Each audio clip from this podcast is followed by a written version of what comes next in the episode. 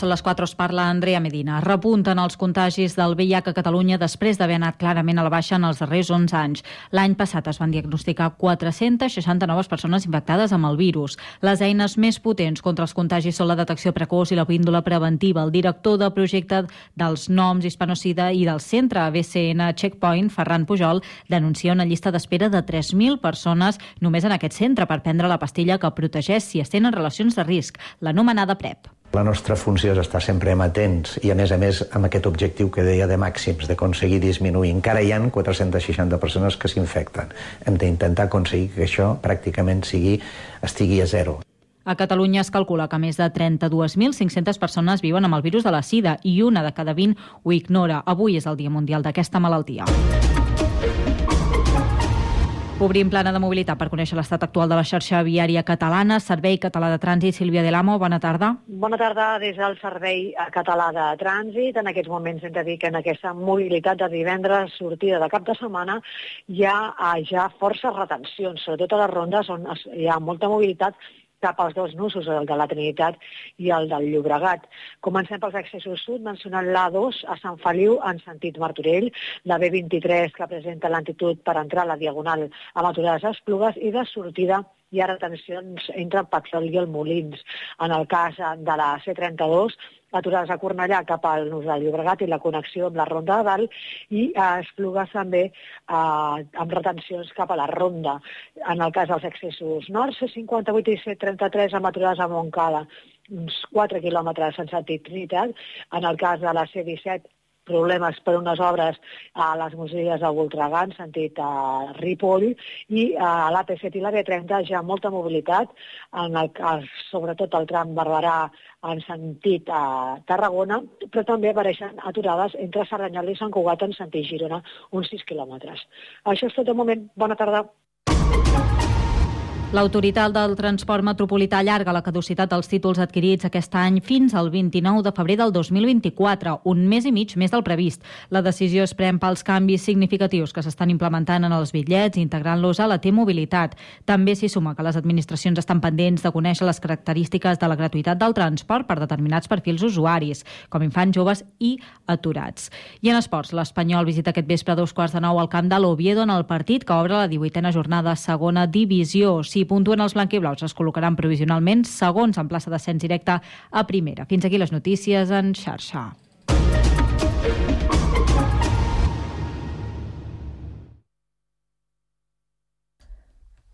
Quatre i tres minuts. Comença el Connectats.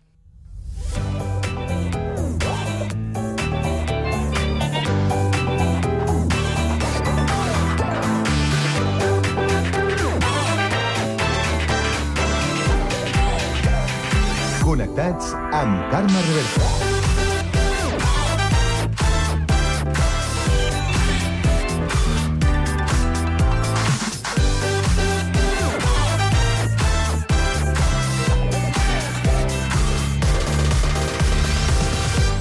Molt bona tarda, salutacions i benvinguts un dia més al magazín de tarda de la xarxa, aquest Connectats de l'àrea metropolitana de Barcelona, un programa que, com sabeu, fem Ràdio Sant Cugat, Ràdio Sabadell, la Ràdio Municipal de Terrassa, el Prat, Ràdio, Ràdio Ciutat de Badalona i Ràdio Castellà.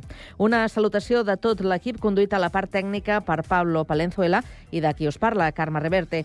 Avui és divendres 1 de desembre i volem saber quin temps ens espera aquesta tarda. Lluís Mi Pérez. Molts núvols i pluja que s'han anat escampant al llarg de les les últimes hores ha plogut fins i tot amb gràcia a moltes comarques del nord del país, però sobretot on més aigua s'hi ha recollit fins ara és a la capçalera de la Noguera Pallaresa i de la Noguera Ribagorçana, més de 100 litres per metre quadrat a la banda més alta de la Vall Fosca. També està baixant la cota de neu, ja està situada al voltant dels 2.000 metres i el Pirineu acabarà baixant fins als 1.300 al llarg d'aquest vespre. També anirà deixant la nevada en molts casos. I a la resta del país encara força núvols i amb pluja, insistent però no gaire important, que anirà caient entre les comarques de Barcelona i de Girona, sobretot. També començarà a entrar amb gràcia el vent de dalt a les comarques de l'Ebre i també del nord de Castelló. Temperatura cap avall, de fet, al llarg d'aquesta tarda farà farà més fred que no pas aquest matí. El cap de setmana serà fred, demà amb alguna nevada a l'Alt Pirineu i algun ruixat de tarda entre el sud de Girona i Barcelona, i també el diumenge encara més fred amb moltes gelades matinals. Us seguirem a la xarxa.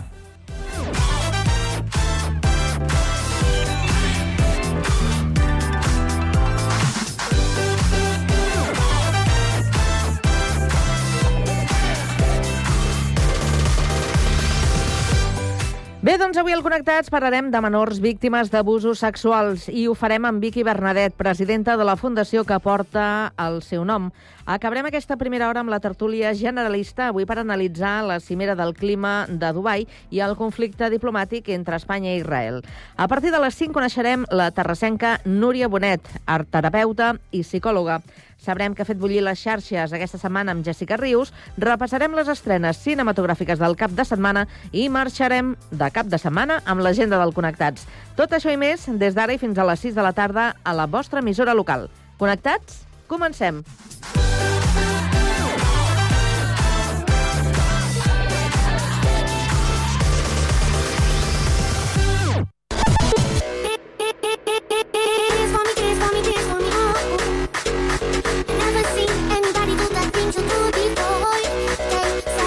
Connectats, una experiència radiofònica a Sabadell, Terrassa, Sant Cugat, El Prat, Castellà i Badalona.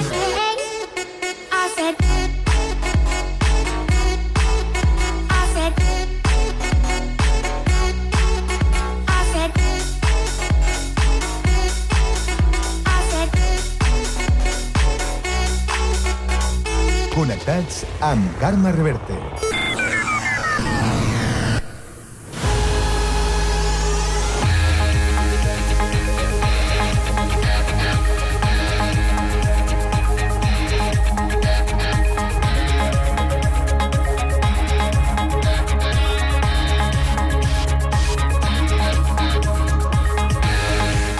Les 4 i 7 minuts ens actualitzem i comencem la ronda informativa per Terrassa. Sergi Estapé, bona tarda. Bona tarda, Creu Roja Joventut inicia a Terrassa la campanya de joguines que garanteix que tots els infants puguin rebre una joguina nova, no sexista, no bèl·lica i cooperativa durant les festes nadalenques. La iniciativa es tancarà el 5 de gener. Es pot col·laborar portant una joguina nova a un dels punts de recollida que es publicaran a l'Instagram de Creu Roja Terrassa o bé directament a les oficines del carrer Frap Bonaventura Gran número 10 o també es pot fer un donatiu contactant amb Creu Roja al 93 788 14 41. Les empreses, entitats i establiments associats a la campanya i que disposaran dels materials necessaris per dipositar una joguina són Abacus, Dream, Jugiva, Ubuntia, La Viana, Casa de l'Oración, la UPC, CECOT, Club Natació Terrassa, G-Group, Ken Pharma i Carrefour. A més, es preveu celebrar un acte central a la plaça Salvador Espriu el proper 23 de desembre amb diferents activitats per a les famílies que s'apropin a col·laborar. Gràcies a la campanya, Creu Roja Joventut té com a objectiu poder arribar a atendre a entre 600 i 800 famílies i un total de 1.500 nens i nenes. Gràcies, Sergi. Seguim aquest repàs ara per la cocapital del Vallès Occidental a Sabadell. Pau Duran, bona tarda. Bona tarda. Avui s'activa l'operació Fred i ho fa amb més 5 places a l'allotjament nocturn que s'obre a la seu de la companyia d'aigües Sabadell durant la fase 2, quan la temperatura és inferior als 2 graus. Es dedicarà a dones exclusivament que s'ubicaran en un espai separat dels homes i en aquest sentit també s'han habilitat lavabos no mixtes. Aquesta és la principal novetat de l'operació Fred que comença avui i que s'allargarà fins a finals de març. El director general d'Aigües Sabadell, Xavier Cabanilles, n'ha ampliat els detalls aquest divendres en roda de premsa. Fem un segon espai de cara que podem tenir un espai també per dones, hem habilitat igual un bany, les dutxes, no, la climatització adequada, de manera que, que, que, que puguin haver les millors condicions dintre de, de la companyia. Per la seva banda, l'allotjament diurn que proporciona Càritas també incrementarà les places i els horaris en la fase 2. Aleshores oferiran menjar calent, dutxes i roba neta a les persones sense llar en cap de setmana i festius a banda dels dies laborables. És el segon any consecutiu que es fa una aposta per dotar de més recursos l'operació Fred. Gràcies, Pau. I ara anem fins al litoral. Des de Badalona, Andrea Romera, bona tarda. Bona tarda, Carme. Ha aprovat inicialment el pressupost per 2024. La majoria absoluta del PP ha permès tirar endavant els comptes, malgrat els vots en contra d'en Comú Podem i Guanyem i l'abstenció d'Esquerra Republicana i el Partit dels Socialistes. Ara s'obre un període d'al·legacions de 15 dies. Uns comptes que apunta el govern tenen tres objectius. Garantir l'estabilitat pressupostària, garantir una despesa compromesa i permetre dur a terme canvis transversals. Per l'alcalde, Xavier García Albiol, el més important és que per primer cop en 12 anys els comptes entraran en vigor un 1 de gener. A més, l'alcalde destaca que s'augmenta la despesa en àrees clau, recursos humans, neteja, seguretat i manteniment. L'escoltem. Badalona des de l'1 de gener tindrà un pressupost que li permetrà doncs, afrontar el dia a dia i els reptes que tenim de ciutat de manera endreçada, si els partits de l'oposició fan propostes assenyades, propostes que siguin possibilistes, o sigui, que es puguin dur a terme i que siguin bones per Badalona, crec que enriqueix el pressupost. I, per tant, qui surt guanyant és la ciutat. En el mateix ple també s'ha aprovat una modificació de relació de llocs de treball per incorporar noves vacants, així com la pujada d'un 7% del sou dels agents de la Guàrdia Urbana. Gràcies, Andrea. Seguim al litoral, ara des del Prat de Llobregat. Lluís Rodríguez, bona tarda. Bona tarda. L'Ajuntament del Prat impulsarà una fundació perquè pretencs i pretenques puguin criar el seu propi pota blava amb l'acompanyament de professionals i en un entorn urbà. L'objectiu és garantir el relleu generacional del sector i la criança dels animals, alhora que potenciar els pollastres com una marca d'identitat de la ciutat, tot plegat no només per garantir la preservació del pota blava, sinó també el seu futur. Escoltem l'alcalde del Prat, Lluís Mijoler. i per tant, eh, igual de la mateixa manera que vam fer l'esforç de municipalitzar, bueno, de- de- d'adquirir eh, la Granja Torres, no? que després posteriorment es va fer concessionar, doncs eh, farem tots els esforços que siguin necessaris per tal de no només conservar aquesta raça, sinó de conservar la criança del pollastre pota blava. Tot plegat s'ha presentat en el marc de la cinquantena Fira Avícola Raça Prat que arrenca avui. Gràcies, Lluís. Tornem al Vallès i ara ens quedem a Castellà. Jaume Clapés, bona tarda. Bona tarda, Carme. Des de Castellà us portem una notícia ben sucosa. El restaurant Garbí ha tornat a rebre per quart any consecutiu la distinció VIP Gourmand per part de la guia Michelin. El títol li han concedit per la seva excel·lent relació qualitat-preu. El 27 de novembre es va fer l'anunci durant la celebració de la Gala Michelin a l'Auditori Fòrum del Centre de Convencions Internacionals de Barcelona. VIP Gourmand 2024 té un total de 229 restaurants a tot l'estat, dels quals 23 en són novetat. El xef del restaurant Garbí, Carles Calzina, ha explicat que està molt satisfets d'aquest quart any consecutiu de renovar la distinció i ha afegit que això els esperona a poder continuar millorant. Segons apunta Calzina, hi ha molta gent que segueix els Pip Gourmand hi ha gent que fa desplaçaments per poder seguir aquestes distincions. De fet, la pròpia guia Michelin diu que els restaurants VIP Gourmand són els establiments preferits dels inspectors, que els busquen amb afany des de la ferma convicció que un bon menjar no ha de per què tenir un preu desorbitat. Gràcies, Jaume. I ara acabarem aquesta ronda d'actualitat amb la crònica de Sant Cugat. Avui per destacar que els amics i deixebles de Joan Beculla s'han acomiadat aquest matí de l'historiador Sant Cugatenc al monestir de Sant Cugat. Els presidents Mas i Pujol no han faltat, però tampoc amics com Vicenç Villatoro, Salvador Alzius o Antoni Bassas. Ens amplia aquesta informació Albert Soler, bona tarda. Bona tarda. Personalitats polítiques i socials han omplert l'Església per donar-li l'últim adeu a una persona que va dissenyar al detall com volia que fos el seu funeral, des dels passatges bíblics que volia que es, llegissi, que es llegissin fins a les músiques que havien de sonar.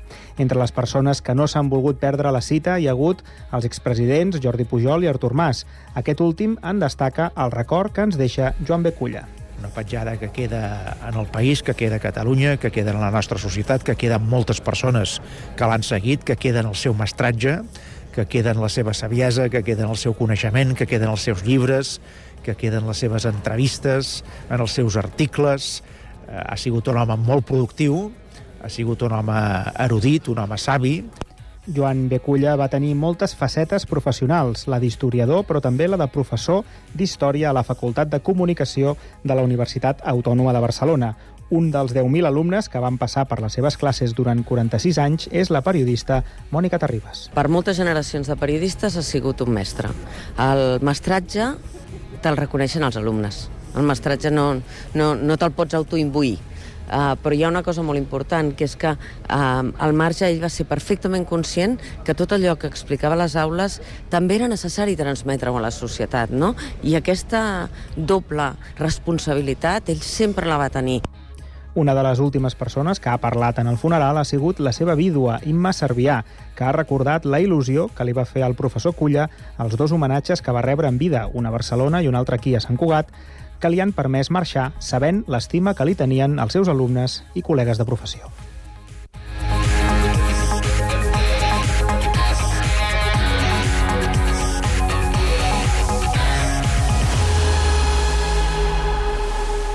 A la tarda, no et desconnectis. A la teva ràdio local, connectats. Can't touch this. Can't touch this.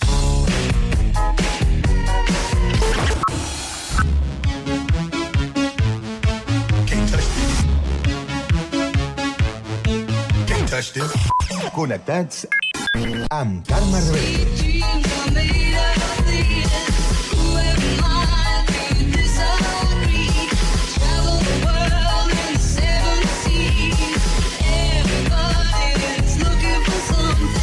Connectats. Una experiència radiofònica a Sabadell, Terrassa, Sant Cugat, El Prat, Castellà i Badalona.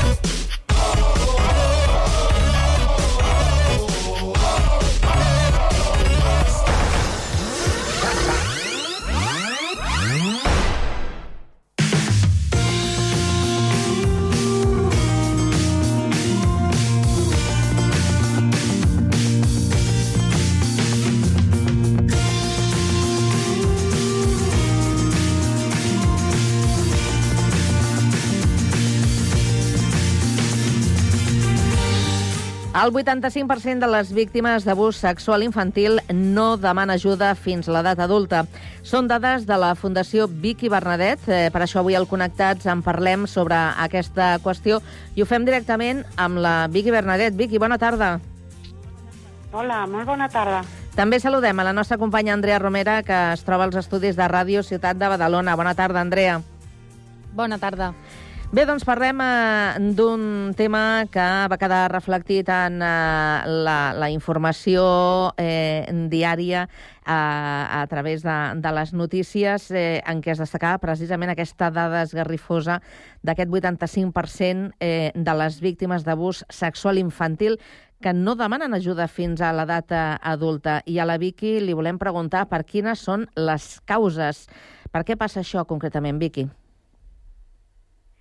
Doncs, eh, bueno, per, és, són múltiples les causes i, a més a més, també té a veure, depèn de, de, de quin context, de com és la, la criatura, que, o com és la família, té a veure moltes coses, però en destacarem dues. Una és que quan ets eh, criatura eh, tu tens molta consciència de que ets una persona dependent, que depens de la teva família, depèn dels adults, eh, per tot, no tens autonomia, i per tant, quan passa una cosa d'aquestes, que majoritàriament és dins la família, persones importants dins la família, eh, és, com, és com si portessis una bomba a la mà, no? Que penses, eh, demano ajuda, però si demano ajuda és com si llancés un, una bomba que esclatarà i que probablement acabi jo perdent també amb tot això.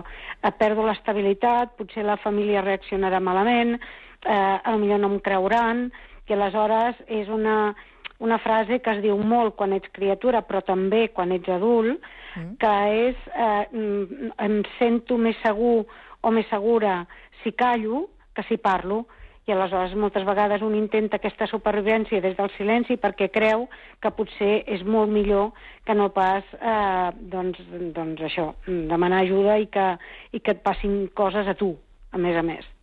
Precisament parlàvem de, del tema, d'aquesta qüestió, el dia que va eh, sorgir la, la notícia, perquè com, com és possible que el, el, els adults al voltant d'aquests eh, menors no hi hagi ningú que sigui capaç de detectar absolutament res, perquè s'entén en aquesta relació eh, que, que, que hi hagi aquest silenci entre l'abusador, i entre la víctima i, i l'abusador, i en general per protegir-se, però que, que no hi hagi cap indici, cap element que pugui fer sospitar a altres eh, adults de l'entorn. Uh, mira, hi ha dos, dos motius. Un és que, encara que ens sembla que hem trencat el tabú perquè surt més el tema a les notícies, perquè els professionals s'estan preparant molt més per fer intervencions més especialitzades, eh, perquè doncs, estan esclatant casos que semblava impossible que anys enrere passés, i aleshores veiem que hi ha com una sensació a nivell social de que estem molt més avançats del que realment estem, perquè sí que és veritat que està passant tot això, però hi ha un àmbit que és crucial que no avancem, que és el fet d'una negació absoluta individual i familiar. És a dir, eh, aquestes coses passen, estan passant socialment, és un pas important quan matem, però quan parles amb persones individualment o amb famílies, tots estan convençuts que cap d'elles els hi passarà. Mm. I llavors és impossible detectar una situació que tu no la tens ni com a possibilitat, perquè eh, mm, per molt que la criatura ho digui d'alguna manera o amb el llenguatge corporal o emocional o, o creatiu a través de dibuixos, si tu estàs tan convençut o convençuda de que allò a la teva família no hi ha ningú que sigui capaç de fer això, evidentment eh, buscaràs eh, els motius fora d'això. Llavors hi ha una negació absoluta i una falsa seguretat a nivell familiar que desprotegeix moltíssim els fills per, precisament per això, perquè, perquè no ho tenim ni com a possibilitat. Uh, I, per altra banda, hi ha aquesta manca de formació de, uh, sobre aquest tema, és a dir, uh, els pares i mares també necessiten formació per detectar aquestes situacions, perquè les criatures que no ho expliquen van totalment al contrari perquè nosaltres ho detectem, és a dir, eh, el dissimular, intentar que no ho vegin. Eh, aleshores, això has de tenir una certa formació, a part d'aquesta connexió que he dit anteriorment, eh, perquè tu puguis veure algun senyal o alguna situació que et pugui donar una sospita. Vicky, en aquells casos en què els abusos sexuals infantils sí que es revelen durant la infància, que des de la Fundació apunteu que són entre el 10 i el 15%, així, en trets generals, qui acostuma a ser eh, la persona que fa saltar les alarmes? L'infant que demana ajuda o algú de l'entorn que sí que s'adona? Bueno, tenint en compte el 85% que comentaves abans, que no ho diu fins adult, eh, doncs eh, en aquest percentatge, desgraciadament, hi han molt poques deteccions i molt poques criatures que parlin. El percentatge exacte no el sé, però sí que és evident que són poquíssimes criatures que parlen i eh, poquíssimes deteccions que es fa. I això és una situació que ja dura, eh, diguem, que no, no hem aconseguit canviar-ho, diguem, no? Com he dit abans, han fet molts passos, eh, però aquest continua estant bastant encallat. Si, si, si jo, per exemple, que sóc la que faig els tallers per pares i mares a les escoles, et trobes que en, en escoles de 600 famílies et venen 8 persones. Eh, i, i, I aquests tallers igual dels de la Fundació com qualsevol altre, hi ha d'haver un interès també per pares i mares de voler-se formar per poder veure els senyals i també per saber quins passos s'han de donar quan hi ha una revelació, que això també és molt important perquè moltes vegades eh, una revelació que comporta un sacseig emocional per part de la persona rep, si no està preparada, probablement faci passos que després perjudiquin tot el que serà el procés judicial, probablement després el ser delicte. Clar, quines conseqüències psicològiques té per una persona, tant a curt com a llarg termini, rebre aquests abusos sexuals infantils? Això sí que depèn molt, moltíssim de la situació de cada criatura, dels factors de risc i de protecció que té el seu entorn. Se'n sortirà abans, se'n sortirà després, eh, depèn de la tipologia també de l'abús, és a dir que eh, no hi ha una hegemonia de dir eh, doncs mira, fent això, fent això, és un any de teràpies... No, Mm, la gravetat d'un abús sexual no la marca el que ha passat a la criatura, sinó com ho ha viscut la criatura i, re, mm, repeteixo, quin entorn protector i, i creïble té eh, al seu costat. Això és importantíssim. Llavors, si hi ha una detecció precoç, si hi ha un adult que ho veu i, per tant, o la criatura ho ha dit, eh, les possibilitats de que això quedi amb una mala experiència, amb una teràpia i amb una recuperació de, de, de, de, del seu àmbit, eh, mm, és fonamental perquè si hi ha silenci, el que passa és que si tu creixes amb això i aquest 85% que arriba adult, segurament que no serà una mala experiència, sinó que serà un trauma. Per això és tan important la detecció precoç, perquè pot arribar a ser només una mala experiència, i dic només, en el sentit eh, de, del trauma que parlàvem abans, eh? Però amb una mala experiència un bon ajut i una bona intervenció i un, i un bon assessorament es pot fer molt bona feina perquè aquella criatura doncs, sigui això, una mala experiència però que no arribi a ser un trauma. Ara que comentes això de que cada víctima ho viu d'una manera diferent, a vegades es donen casos en què aquestes conseqüències psicològiques i aquests traumes es desperten com molt tard, no?, en el temps quan ja la persona és adulta. Sabeu per què passa això? Sí, bueno, perquè hi ha persones que és tan dur el que viuen eh, que no tenen, eh, per, per la manera de ser, com he dit abans, per entorn, per, per mil motius, eh, ho, ho tenen d'una manera tan insuportable que llavors es fa una dissociació i, i, i per sobreviure doncs eh, apartes el que t'està passant de que no t'agrada i cada vegada intentes ignorar-ho més o incorporar-ho més com si fos normal i et centres més en intentar sobreviure. Això pot arribar a passar fins i tot de que aquesta dissociació eh, arribi quasi, quasi a tenir la sensació de que allò no t'ha passat o fins i tot a oblidar-ho. Eh, I a vegades doncs, es, es desperta amb un detonant quan ets adult. I el detonant pot ser un, un, un, tenir un amic que t'explica què li ha passat, eh, haver vist una pel·lícula que tracta d'això, eh, fins i tot pot ser detonants com, com colors, olors, és a dir que eh, està més que estudiat que quan ets adult pots arribar a tenir aquesta manca de memòria de la situació que t'ha passat, però està allà i pot despertar en qualsevol moment. També es pot donar el cas, pel que dius, de que no desperti mai, o sigui, que no es doni mai cap situació concreta que et faci despertar aquest record i, per tant, ho oblidis per sempre. Pot passar això? Sí, pot, pot, pot passar. Eh, afortunadament no, no és la majoria de casos, però sí que hi ha hagut algun estudi que ha mostrat que el, el trauma de l'agressió sexual a la infància eh, des, de, des del creixement amb aquest silenci eh, pot arribar-se a oblidar d'una manera absoluta. I ara no, no recordo l'estudi exacte, però que deia que era un dels eh, traumes eh, que tens aquesta possibilitat, quasi, quasi que és l'únic. Estem parlant molt dels abusos sexuals en el nucli familiar i és perquè des de la Fundació diu que el 80% dels casos la figura abusadora forma part de l'entorn familiar. Jo et volia preguntar què suposa això per la víctima psicològicament perquè estem parlant d'una persona de la teva família que suposadament t'estima i que et pot fer creure que això que t'està fent és perquè t'estima i per tant està bé fer-ho, no?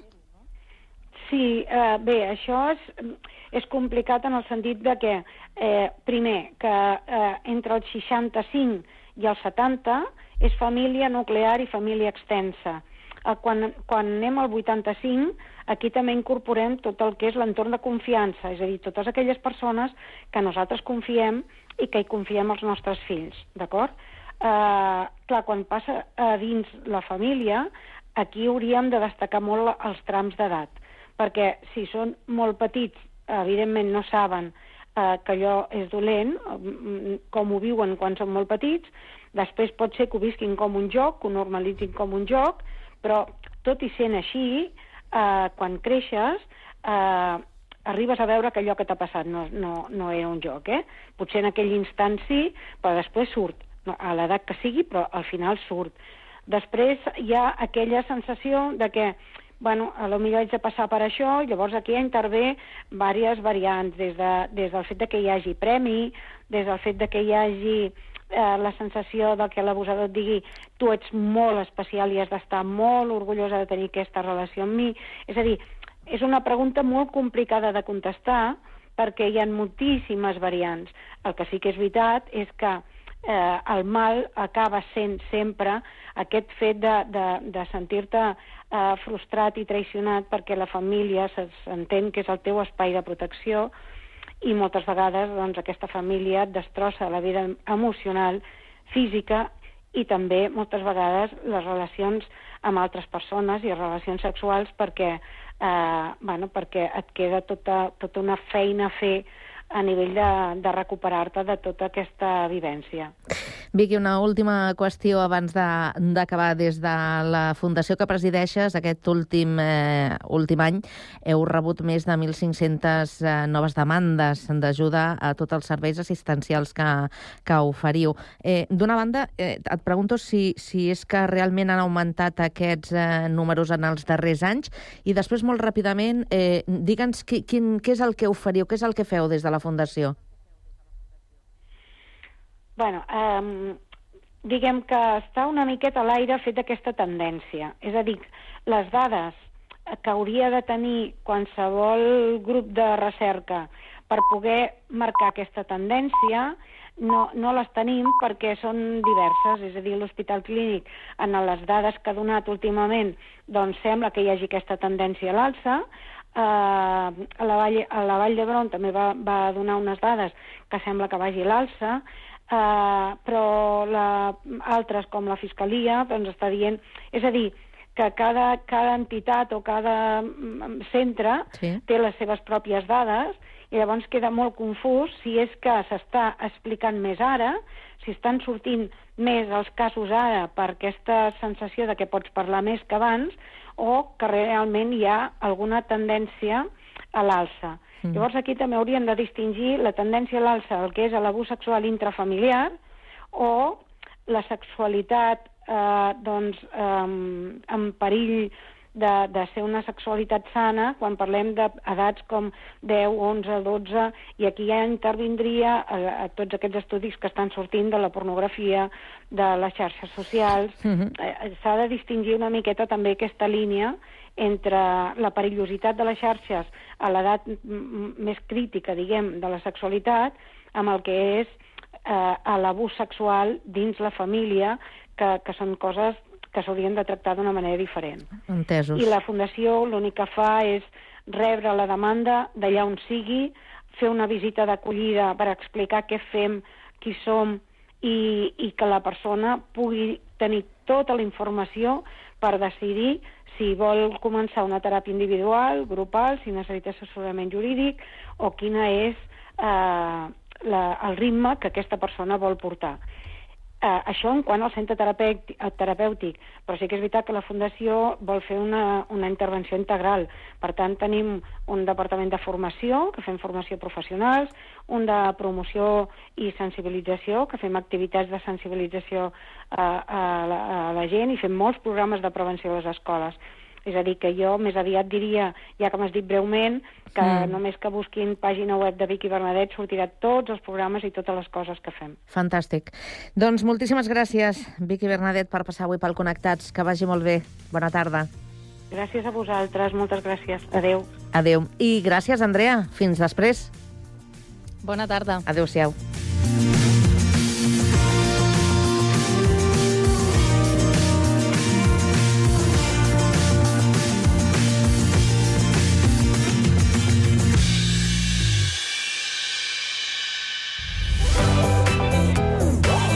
Connectats. Una experiència radiofònica a Sabadell. Ràdio Sabadell, 94.6. Terrassa. Ràdio Municipal de Terrassa, 95.2. Sant Cugat. Ràdio Sant Cugat, 91.5. El Prat. El Prat Ràdio, 91.6. Castellà. Ràdio Castellà, 90.1. I Badalona. Ràdio Ciutat de Badalona, 94.4. Cada tarda de 4 a 6, connectats.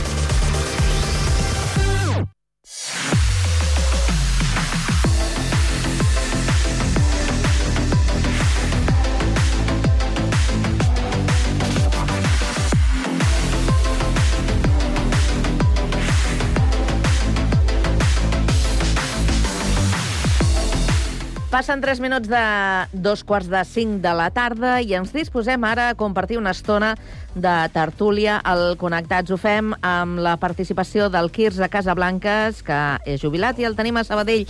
Quins... Ai, Quirze, com estàs? Hola, bé, molt bé, i vosaltres? També ja celebrant que sigui divendres. Sí, no? que bé, que bé. Ve molt de Jubilats, gust. en, certa manera, i només en sé, certa manera, sé, tant li sé. fot que sigui divendres com diumenge. Eh? Ah, no, no. Perdona, jo és que dic, no, ho sé, ho sé. Eh, pensava que anaves a afegir a la teva presentació jubilat, que ja sé que sou mm, uns quants jubilats, bastants, que sou molt actius i molt activistes, i pensava que anaves Mm. Sí. a posar alguna cueta més, perquè sé que fas moltes altres coses. Però vaja, Sí, sí, evidentment. Aquí queda presentat el Quirze. També ens acompanya des del Prat el Jordi Gili, que és president honorífic eh, d'Amics del Prat. Jordi, bona tarda. Hola, bona tarda. Veus, un altre Jordi que també doncs, eh, té molta, molta feineta, molta ocupació. També fas moltes coses, no, Jordi? Déu n'hi donet, sí. Déu, clar. Gràcies a Déu tinc salut per poder-ho anar fent i amb moltes ganes. Doncs mira, ara es presento a un altre Jordi, que és el Jordi Pasqual, que és periodista i que per edat encara no li toca jubilar-se, però jo crec que el dia que jubili també serà un d'aquests. Oi que sí, Jordi? Encara falten uns quants anys, però jo espero arribar a la jubilació ben actiu, sí, sí. I tant. És, no sé, Bueno, és que... que Està... els, pobres, els pobres jubilats necessitem algú que ens mantingui, eh? Que si algú no treballa estaríem fotut. Però, no hi ha, però també és una mica per inèrcia, perquè eh, estem tan acostumats a, a...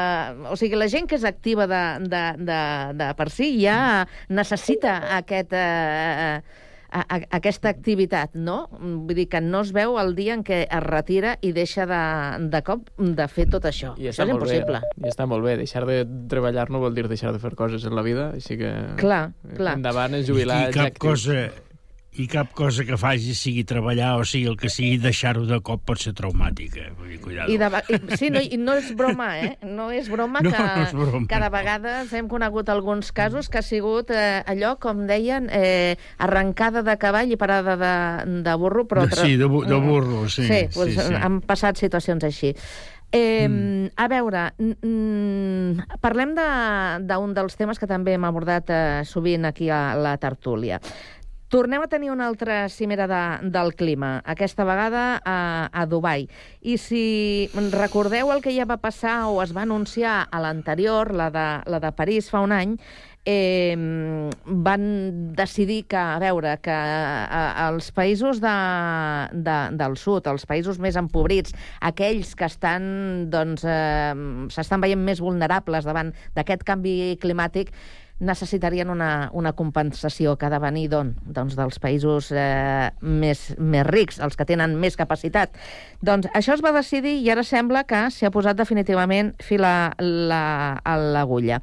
Eh, S'ha s'ha aprovat que es pugui fer aquest fons de, de compensació i sembla que tothom ja està per la, per la labor, fins i tot cadascú ja ha dit jo mm, donaré tant, donaré quan, a veure si arriben aquests diners, eh? perquè clar, els anuncis eh, són gratis. Sí, sí. Ara després, eh, no sé si, si veieu que sigui doncs, una bona un bon començament de, de cimera, la, la que està tenint lloc aquests dies. A, a, a mi em sembla que sí, que és un bon començament.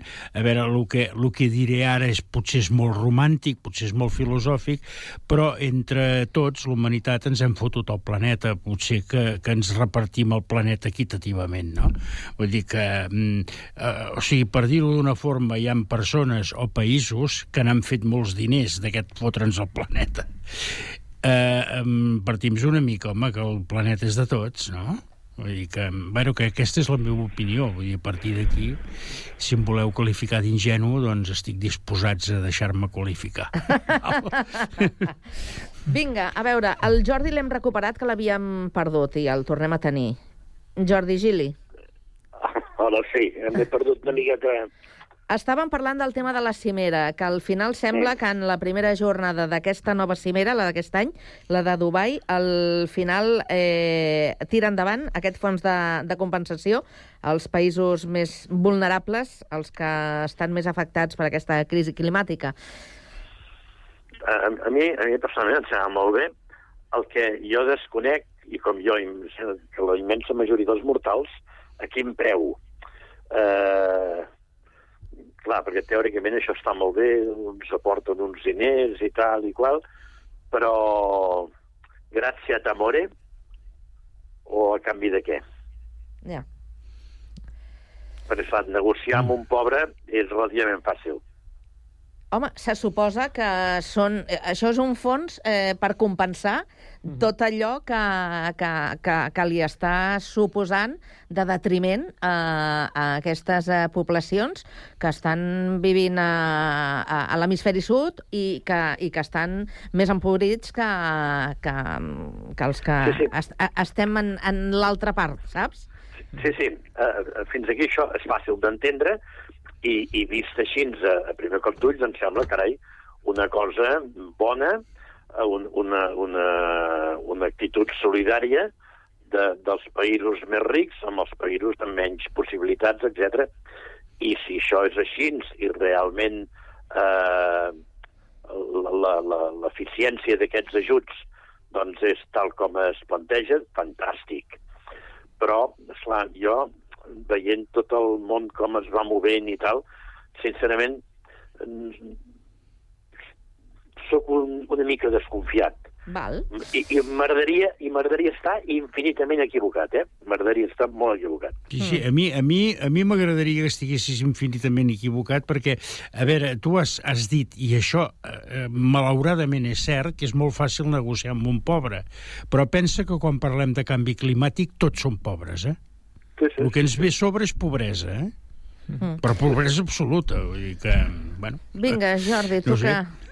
Jo, sobre el tema de fons, eh, ja està bé, si realment serveixen per al que han de servir, diguem, eh, d'acord. El problema és que hem vist històricament com s'han utilitzat els fons en drets d'emissió i coses d'aquestes per a netejar consciències d'una banda, comprar drets d'emissió i poder seguir contaminant els països que contaminen, i al final, més que una solució, ha sigut un intercanvi de cromos de jo estic emetent més a canvi de donar uns quants diners per a llevar la meva consciència. Per tant, si el que pretenen és això, no ens serveix absolutament de res, perquè el que hem de fer és un canvi dràstic en, en el model de producció en general, especialment de, de l'energia de l'extractivisme. No?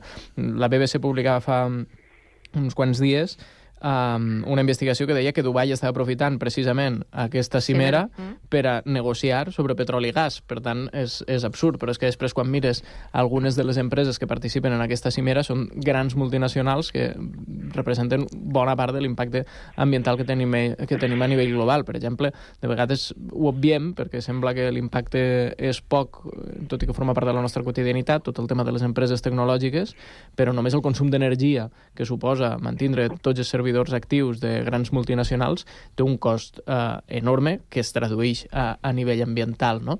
Per tant, eh, crec que és positiva la lògica de- d'aquestes cimeres des d'una pers perspectiva de multira, eh, multila multilateralitat ah, no? I, i per tant un poc la lògica del de, el naixement de les Nacions Unides en el seu moment, no? que era després d'un món que havia estat dividit tant de temps a entendre que calen acords entre països i que cadascú aporta la seva mirada és positiu i en aquest sentit és positiu que existisquen aquestes cimeres però que la traducció d'això eh, acaben sent compromisos reals i no defensar cadascú els seus interessos, que és el que malauradament crec que ha anat passant en les últimes cimeres. Com apuntava abans el Quirze, eh, eh, el Quirze o el Jordi, ara no recordo bé qui dels dos ho ha fet, eh, no coneixem la lletra petita de, de tot això. Però penseu una cosa, que ara mateix, eh, en, ac- actualment, o sigui, avui dia, estem en una situació de, encara de privilegi, però si no som capaços d'aturar eh, la tendència generalitzada, ens podem convertir en un, en un país vulnerable. Òbviament, Sí? òbviament.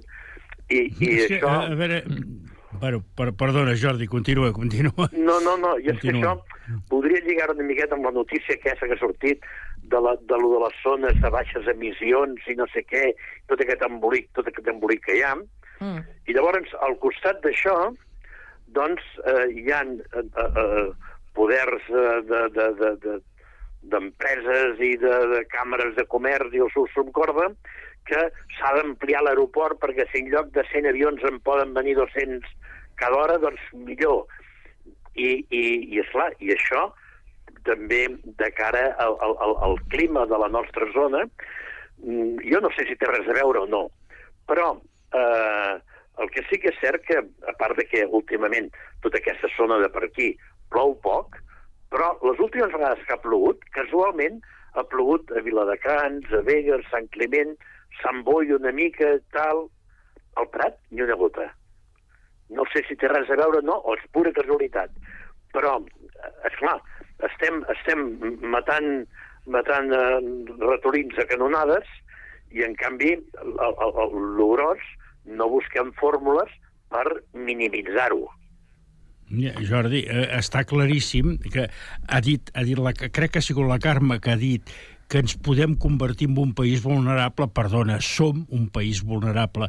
Estem gastant més que ingressem, ens estem carregant els recursos naturals i no els refem de cap manera. Per tant, som vulnerables. D'aquí res s'haurà acabat la broma, eh? Vull dir, llavors Sí. què? És que, és clar, vull dir, mm, posem fil a l'agulla, però posem fil a l'agulla eh, seriosament. A mi m'esgarrifa pensar que van corporacions econòmiques o corporacions industrials en, en aquesta reunió de Dubai. Aquí haurien d'anar-hi científics i prou, ni polítics. Els científics establir el que s'ha de fer i traspassar-los la pilota als polítics i que ho facin sí o sí. Per mi, per mi només va per aquí la cosa, eh? Vull dir, és que, saps què passa? Que m'empipo una mica perquè és que eh, eh, eh, m'excito una mica i tot, eh, quan parlo d'aquestes coses. Ja, ja m'ho ja imagino, perquè sempre toca pagar els plats trencats els mateixos, no? Clar, Sí. esclar. Mm. Bueno, jo, en, en el sentit del que dèieu, efectivament som un, un país vulnerable, la sequera que estem vivint no, no és casualitat, Crec que tampoc és eh, només conseqüència del canvi climàtic, crec que hem tingut un tipus d'urbanitat, sobretot a l'entorn metropolità, que, per exemple, tenim ciutats poc preparades davant del de, de, canvi climàtic, no? des de les riuades fins i tot a la pròpia filtració de l'aigua. Tenim ciutats precisament parlaves de Sant Cugat, que potser no és de les excepcions perquè té més parcs, no? però hi ha ciutats que són molt compactes i això eh, permet poc que filtre l'aigua i per tant que puguem tindre aquífers uh -huh. en recursos dins de les pròpies ciutats i alhora que quan hi ha una ploguda molt gran doncs eh, s'emporta cotxes i fins i tot, no? Per tant, eh, crec que quan parlem de canvi climàtic evidentment hem de parlar d'emissions, hem de parlar de tot això, però també de moltes altres coses que van des de l'urbanisme a les nostres pràctiques de la quotidianitat i moltes coses i després no perdre de vista que tot i que nosaltres efectivament som una zona vulnerable, que estem en perill de desertificació eh, des de fa anys, i quan més cap al sud, a la península ibèrica, ibèrica tires encara més, eh, també no hem de perdre de vista aquesta mirada global. Moltes de les problemàtiques que ara apareixen en el debat polític, per exemple, com es gestiona la migració, eh, en un context de canvi climàtic anirà més, perquè hi haurà zones més desertificades, hi haurà més conflictes per aconseguir aquests recursos i més persones es veuran obligades a, a desplaçar-se. De fet, si Europa segueix en la política fronterera que tenim hores d'ara, què, què passarà quan, per exemple, el, el llac Txad s'acaba d'assecar del tot, que té pinta que malauradament va en aquesta via? Tot, tots aquells països que s'alimenten d'allò, on aniran? Segurament aniran cap a l'Àfrica subsahariana, que és una zona on, on hi ha més recursos, on no està tan desertificada, però és possible que alguns arriben cap a Europa. Això és parlar d'onada massiva? No crec tampoc que puguem parlar d'això, perquè el que estem veient sistemàticament en els processos migratoris és que són els països per on passa aquest trànsit que a poc a poc van quedar-se'n i les persones que arriben a Europa són una, una minoria, no? Però malgrat tot, tots aquests països, els del trànsit, els d'arribada, el, diguem, que és l'objectiu d'alguna d'aquestes persones han d'estar preparades també per a, per a assumir tot el que està derivat del canvi climàtic. Per tant, intentem actuar per evitar-lo i estiguem preparats perquè ja és irreversible moltes de les coses que ens vindran per assumir les conseqüències d'aquest canvi climàtic que nosaltres, bueno, nosaltres, els nostres polítics i les grans empreses que són les que més impacte tenen, no han estat disposades a fer accions reals per a, per a evitar avançar en aquesta direcció, no? Sí, és que absoluta, absolutament d'acord. O sigui, jo crec que hi ha d'haver-hi un, un, un topall amb una sèrie de qüestions, com tu deies amb el tema de l'urbanisme. Les ciutats no poden créixer eternament. Mm -hmm. Avui, o ahir, em sembla que era, passava per la Gran Via venint de Barcelona cap, a, cap al Prat i veia els piros que estaven fent allà a la zona de l'estació de Magòria, que allò, crec que a més a més crec que era un terreny públic, no ho sé exactament, però jo diria que era un terreny públic, eh, amb uns camps de futbol i no sé què, i allò era un veritable pulmó verd per tota aquella zona d'allà. Pensem que Sants, està a Ostafranc, que està allà al costat, està tot molt atapeït, doncs vinga, això, apa, vinga, fotre-hi blocs de pisos i, i, i anar-ho tapeïnt i, i al final, i, i al final mm, ens quedarem absolutament sense res. Però és que de, eh, eh, eh, en el contrast d'aquesta situació trobem la desertització d'altres zones. O sigui, la tendència és a fer eh, unes polítiques que concentrin a la majoria de, de la població eh, sí, sí. En, en uns nuclis Absolut... determinats, o sigui, a les grans absolutament, ciutats. Absolutament. Jo, des de la meva ignorància, crec que el lògic seria fer, primerament, unes bones comunicacions a 100 quilòmetres de, de Barcelona i molts d'aquests llocs que estan perdent eh, habitants mm. per 50.000 motius puguin créixer habitacionalment, puguin créixer d'una manera endreçada i tal, i que per desplaçar-se a Barcelona puguin tenir un bon servei públic, que no hagin d'utilitzar el cotxe, i puguin viure fora de Barcelona i anar a treballar, si, si és que s'ha d'anar a treballar a Barcelona, que es pugui fer. El que no podem fer és que qualsevol dia ens trobem que al mig de la plaça Catalunya i fotran un bloc de pisos perquè, clar, la gent de Barcelona necessita... Hi ha de cabra, hi ha de cabra, ja clar. Mm. Pues, clar, no, no, no, no, és, no, no és una cosa infinita, l'espai. És el que és. Sí, sí. És la meva opinió, eh? No... Uh, us sembla que canvia... Perquè amb això donaria per parlar sí. i encara... Mira, hi ha un concepte que, que volia comentar amb vosaltres, el tema de la ecoansietat, que... Sí, que... jo, jo, jo ho trobo molt adequat, Carme, Sí? que es Vols? parli d'aquest... Sí, sí, no, sí. t'ho dic perquè... No, no, parla, parla, Carme. Des de, no, des de, des de, des de la vostra perspectiva, o sigui, persones eh, eh, que, que ja teniu una edat, que teniu experiència, eh, el fet que hi hagi generacions, perquè això passa sobretot amb, amb els més joves, que, que tinguin doncs, eh, aquesta ecoansietat, que és aquest patiment pa, com a conseqüència de, de, del món que, que, que està quedant eh, pel canvi climàtic i que fins i tot hi hagi doncs, eh, mm, joves que es plantegen eh, el fet de no ser, no ser pares. Perquè Sí, pensen, això- per, per, per, per tenir crec- criatures, per venir a patir aquest món, perquè això va de mal en pitjor? Jo crec, jo crec que això és barrejar una miqueta eh, les coses. Vols dir? Eh, els, Sí. els, els, els nostres pares, als anys 40, que no hauria ser precisament l'alegria de la huerta, especialment aquí a Catalunya, mm, veien una, un futur esplendorós per tenir dos, tres, quatre fills. No. M'imagino que no. Per Clar. tant, eh, aquí, aquí també hi ha És que una altra ara ja no hi qüestió. seríem, vols dir, oi, Jordi? Ara ja no hi seríem, tu i jo. No, no, no, no, clar. Si s'havien de guiar pel, pel, pel futur que se'ls hi plantejava amb ells, Mm. s'hauria acabat ja d'això. Per tant, jo penso que aquí també hi ha tot un altre, tot un altre reguitzell de coses ben lliures, si tu vols, sí. de, que no, de que no volen tenir fills, per tal, perquè els deixarem una bírria de món, segurament, però que perquè també ens portaran molta feina, ens portaran despesa, ens portaran mal de caps, i la llibertat que disfrutem en aquest moment no la tindrem. Vinga. Eh, Perdó, però una miqueta Jo- també va per aquí la meva jo, opinió. Amb, amb, el, amb, amb, el tema, amb el tema que comentava la Gisela Torrents de, sobre... Que, o sigui, ella eh, fa la pregunta de si els governants tenen ecoansietat. Eh, a veure, jo, jo contestaria que ecoansietat no se n'ha de tenir, no n'ha de tenir ningú, cap tipus d'ansietat. L'ansietat, al fi i al cap, és un trastorn mental. El que hem de tenir és el cap fred i clar. Això és el que hem de tenir per lluitar contra el canvi climàtic i com contra qualsevol problema que tinguem. Vull dir, és que de la manera que ho explica o que ho pregunta la Gisela Torrents dona la impressió que ella predica la ecoansietat. I no, ansietat no n'hem de tenir. Hem de tenir, repeteixo, més que l'all em repeteixo, però hem de tenir el cap fred i clar per lluitar. Mm. Sí, a Sí, veure, sí, la- la- no, la no Gise- passa de ser la. La teva Mm. opinió, sí, i tant. Aquí, Sí, aquí estem per això, eh? Estem per això, eh, Quirze? ja. Dic que la Gisela Torrents eh, és una ambientòloga i activista climàtica eh, que està participant en aquesta, en aquesta cimera del clima.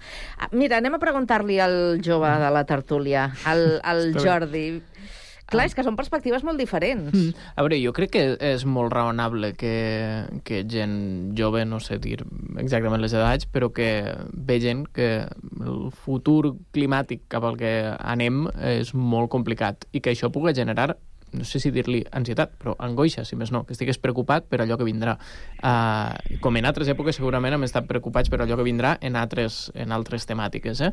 Jo crec que el problema de quan, quan s'utilitza el terme ecoansietat és que ansietat és, efectivament és una patologia, és a dir, una cosa de tractament eh, per professionals. Per tant, moltes vegades s'utilitza el terme ecoansietat quasi com autodesignar-se com a que tens auto, eh, ecoansietat. I això és delicat, no?, perquè estàs entrant en un àmbit més bé mèdic que no de que, que no de, de reflexió política, no? que és el que realment crec que intenten plantejar algunes d'aquestes persones. Tot això jo sí que conec gent eh, que es queda una mica paralitzada quan mira cap al futur i veu quines són les projeccions a nivell de temperatura, a nivell d'habitabilitat.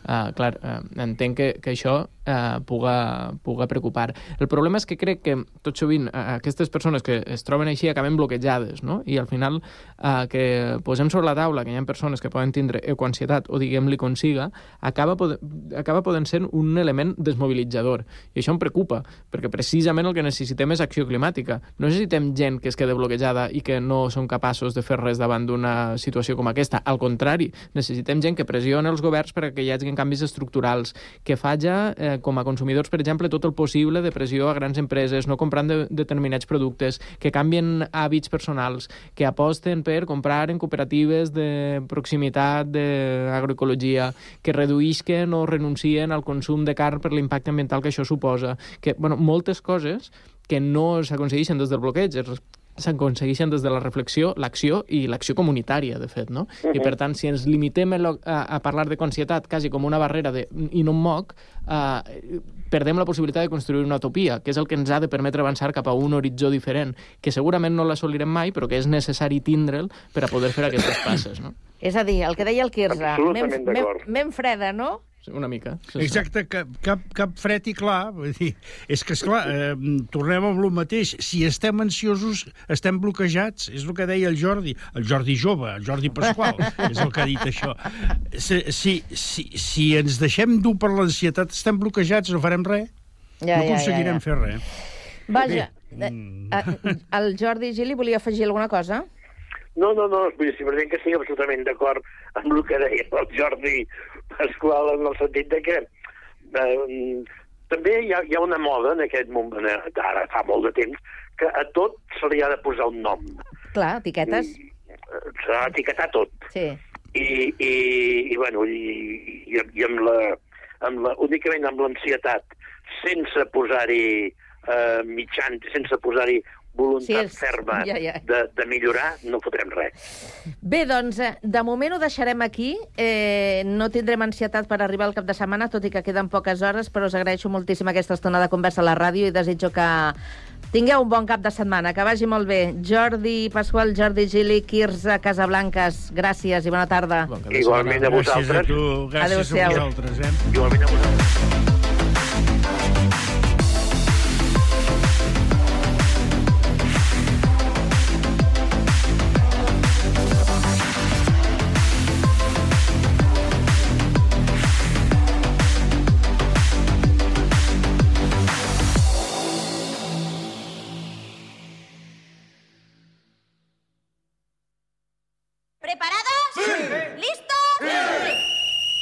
Cugat Mèdia participa en els actes del Dia Mundial de les Persones amb Discapacitat i et convida a la projecció de Campeonex, de Javier Fesser. Soy la nueva entrenadora y estoy reuniendo al equipo de los amigos. Y qué bueno volar, qué bueno soñar. El dissabte 2 de desembre al migdia, al Cinema Sant Cugat, amb una sessió en què els nivells de llum i so estaran adaptats a tots els col·lectius. Per aconseguir les invitacions, només has d'entrar a www.cugat.cat i enviar un formulari.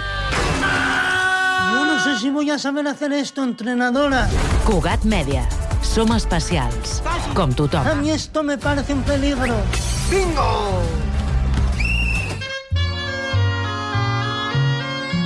La música descriu el territori.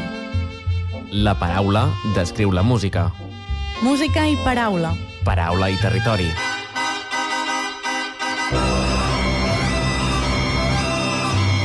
A través dels instruments de coble, les nostres veus i la teva ràdio. A Ràdio Sant Cugat, escolta el Coplejant el diumenge a les 10 del matí. No és el mateix ser els integrants del millor grup de la història que ser el millor grup de la història. Per això, el grup català Occident serem Occident, perquè per continuar assegurant-ho tot, tot i tot, ens havíem d'ajuntar tots, tots i tots. Entra a seremoccident.cat. Connectats. Una experiència radiofònica a Sabadell. Ràdio Sabadell, 94.6. Terrassa. Ràdio Municipal de Terrassa, 95.2. Sant Cugat. Ràdio Sant Cugat, 91.5. El Prat. El Prat Ràdio, 91.6. Castellà. Ràdio Castellà, 90.1. I Badalona. Ràdio Ciutat de Badalona, 94.4. Cada tarda de 4 a 6, connectats. ¿Preparados? ¿Listos? Cugat Mèdia participa en els actes del Dia Mundial de les Persones amb Discapacitat i et convida a la projecció de Campeonex, de Javier Fesser. Ràdio Sant Cugat. Cugat Mèdia.